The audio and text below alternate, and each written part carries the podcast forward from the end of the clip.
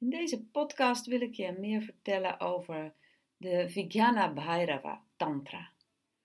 En Tantra, dat woord dat slaat hier op geschrift, of dat betekent geschrift. Het woord Tantra kan ook slaan op de levensbeschouwelijke visie in zijn algemeenheid, maar Tantra betekent onder andere ook geschrift. En de Vijnana Bhairava Tantra is een geschrift uit de klassieke Tantra en heeft zijn oorsprong zo tussen 800 en 1000 na Christus in India. Door wie het precies geschreven is, dat is onbekend, zoals dat nou eigenlijk altijd zo is bij de tantra's. En ja, er wordt als het ware gezegd dat ze door het goddelijke zelf geschreven zijn. En in dit geval wordt het goddelijke verbeeld in Shiva en Shakti, ehm, die hier ook geliefden zijn en die een dialoog hebben. En dat is in veel tantra's zo. Soms is Shakti, de vrouw, de godin, uh, degene die de vragen stelt en Shiva de antwoorden geeft. Dat is in dit geschrift zo. En soms is het ook andersom. De stroming van de klassieke tantra, misschien hoor je het dan al, hè, Shiva en Shakti, dat is wat we nu de Hindoeïstische stroom zouden noemen. Het Hindoeïsme, die, die term die is pas veel later ontstaan. Uh, ze betekent in die tijd waren er vereerders van Shiva. En dat werd op een gegeven moment Shiva en Shakti. Dus juist ook het vrouwelijke principe. Uh, maar je had ook de volgers van Vishnu bijvoorbeeld. En los daarvan is er, en was er toen ook al, een boeddhistische stroming van Tantra. Maar hier is het dus de Hindoeïstische, zoals we het nu zouden noemen. En binnen wat we dan noemen de Shaiva Tantra, of eigenlijk zouden we het Shakta Shaiva Tantra moeten noemen. De Shiva en Shakti nemen een belangrijke plaats in, zowel in het feit dat ze een dialoog met elkaar hebben, maar ook de begrippen in bredere zin, waarbij Shakti staat voor energie en beweging en kracht. En Shiva staat voor stil bewustzijn.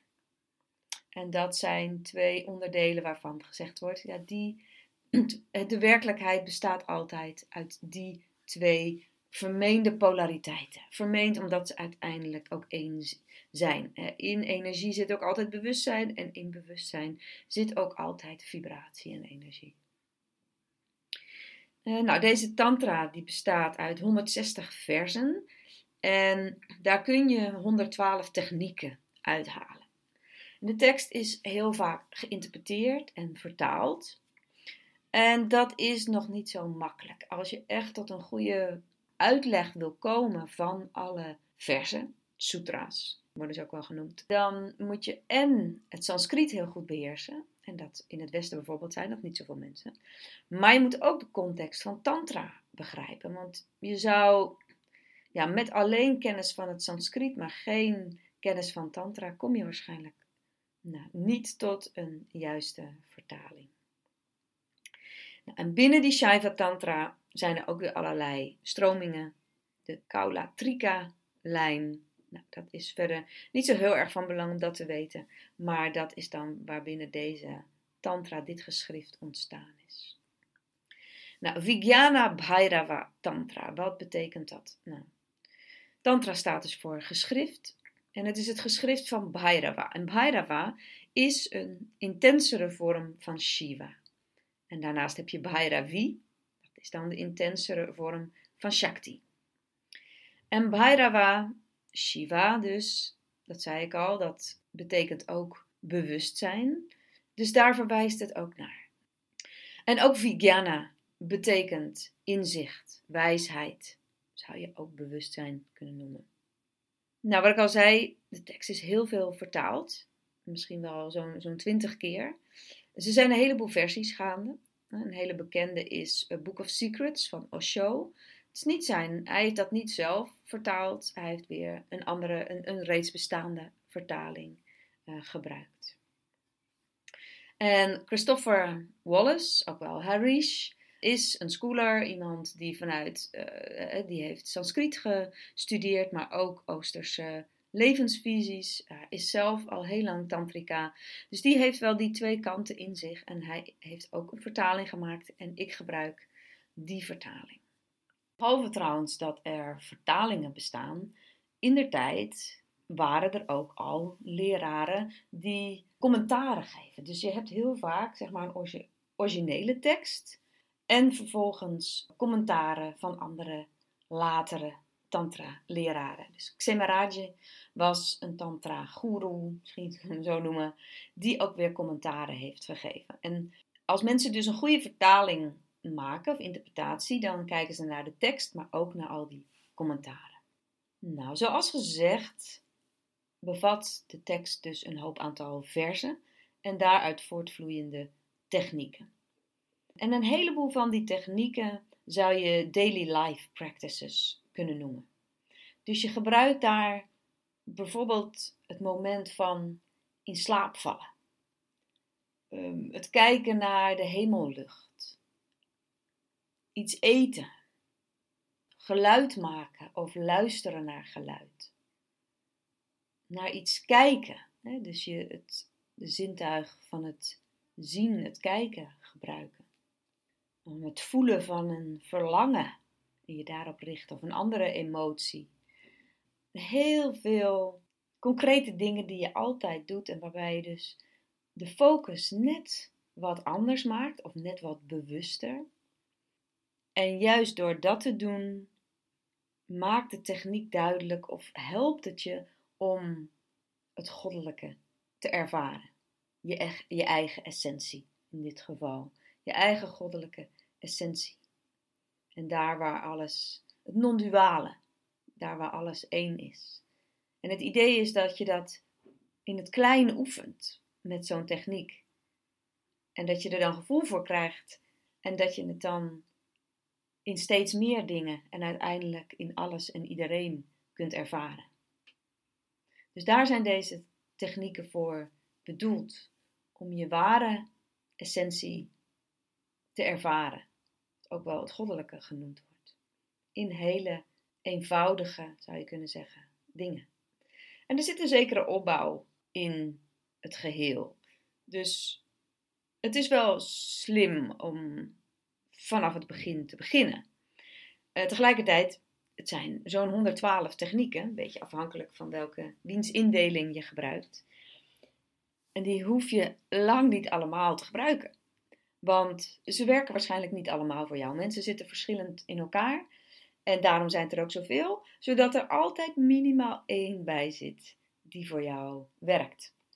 En dat is een kwestie van doen en uitproberen. En ook meerdere keren uitproberen. Het is niet altijd zo dat je onmiddellijk weet of iets voor jou werkt. Soms moet je een bepaalde meditatie wel vaker doen.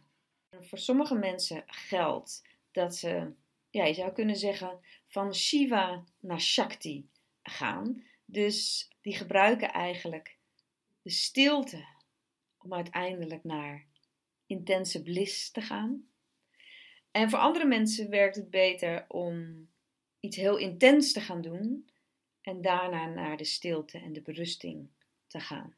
Dus het een is van Shiva naar Shakti en van de ander van Shakti naar Shiva. Die beide mogelijkheden zitten ehm, hierin. Tantra staat in het Westen nogal eens bekend om iets dat om seks draait. Nou, in de klassieke Tantra was seksualiteit een geaccepteerd onderdeel van het leven. Maar de nadruk lag daar zeker niet op en dat zie je ook in dit geschrift.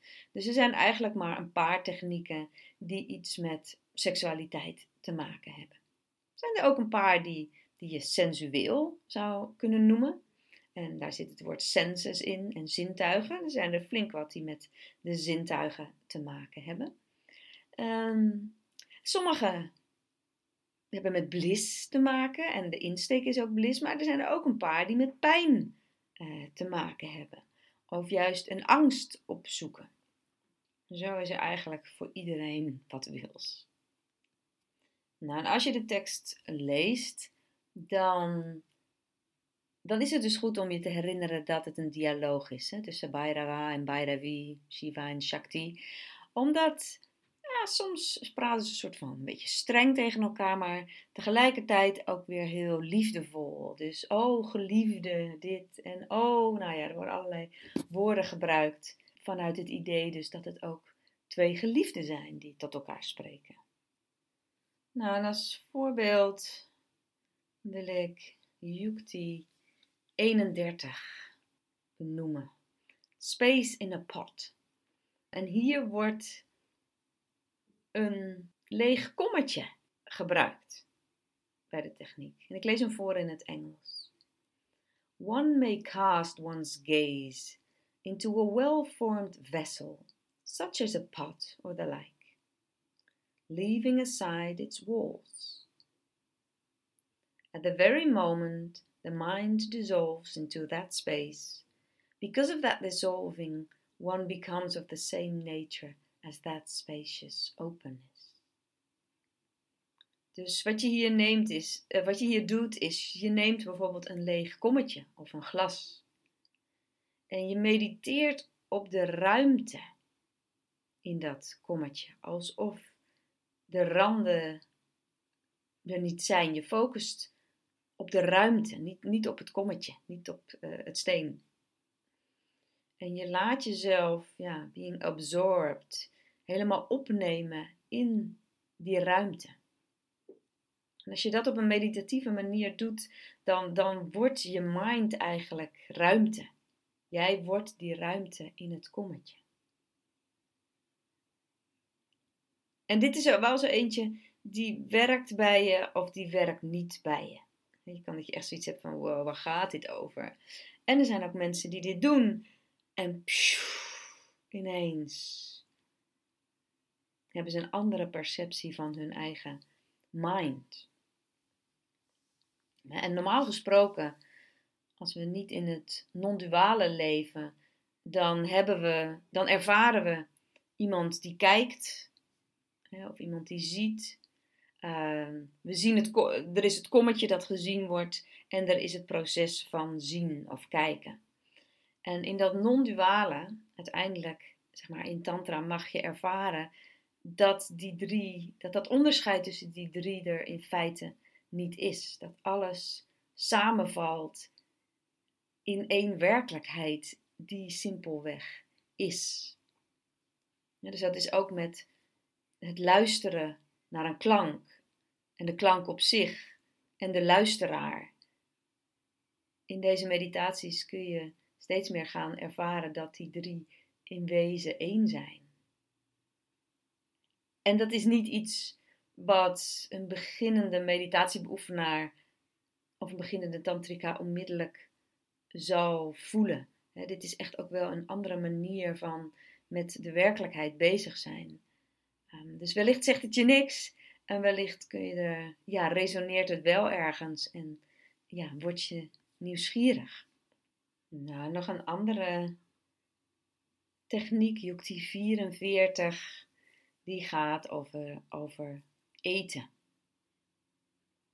One should meditate on the state of fullness that expands because of the delight of savoring, that arises while eating and drinking, and that joy will become sublime.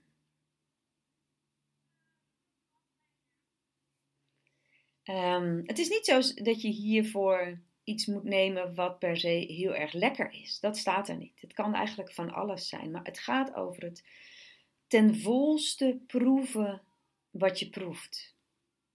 Als je daar helemaal in bent, dan leidt dat tot een groter en extatisch bewustzijn. En tegelijkertijd is het niet zo dat, uh, dat het proeven, dat het iets super groots en belangrijks van je bucketlist of zo moet zijn. Oh, dit moet ik gedaan hebben en het moet groot zijn. Nee, het is gewoon iets proeven. Ja, er wordt gezegd, het leidt tot een groter extatisch bewustzijn. Maar het kan heel simpel zijn. En deze meditatie sluit wel aan bij het idee dat je als tantrika één keer per dag een aantal minuten met de zintuigen mag spelen. Het waarderen van je zintuigelijke ervaringen En je daar, jezelf daar helemaal in op laten gaan. Dus bijvoorbeeld ook helemaal in vol bewustzijn je kopje koffie drinken of je lunch eten.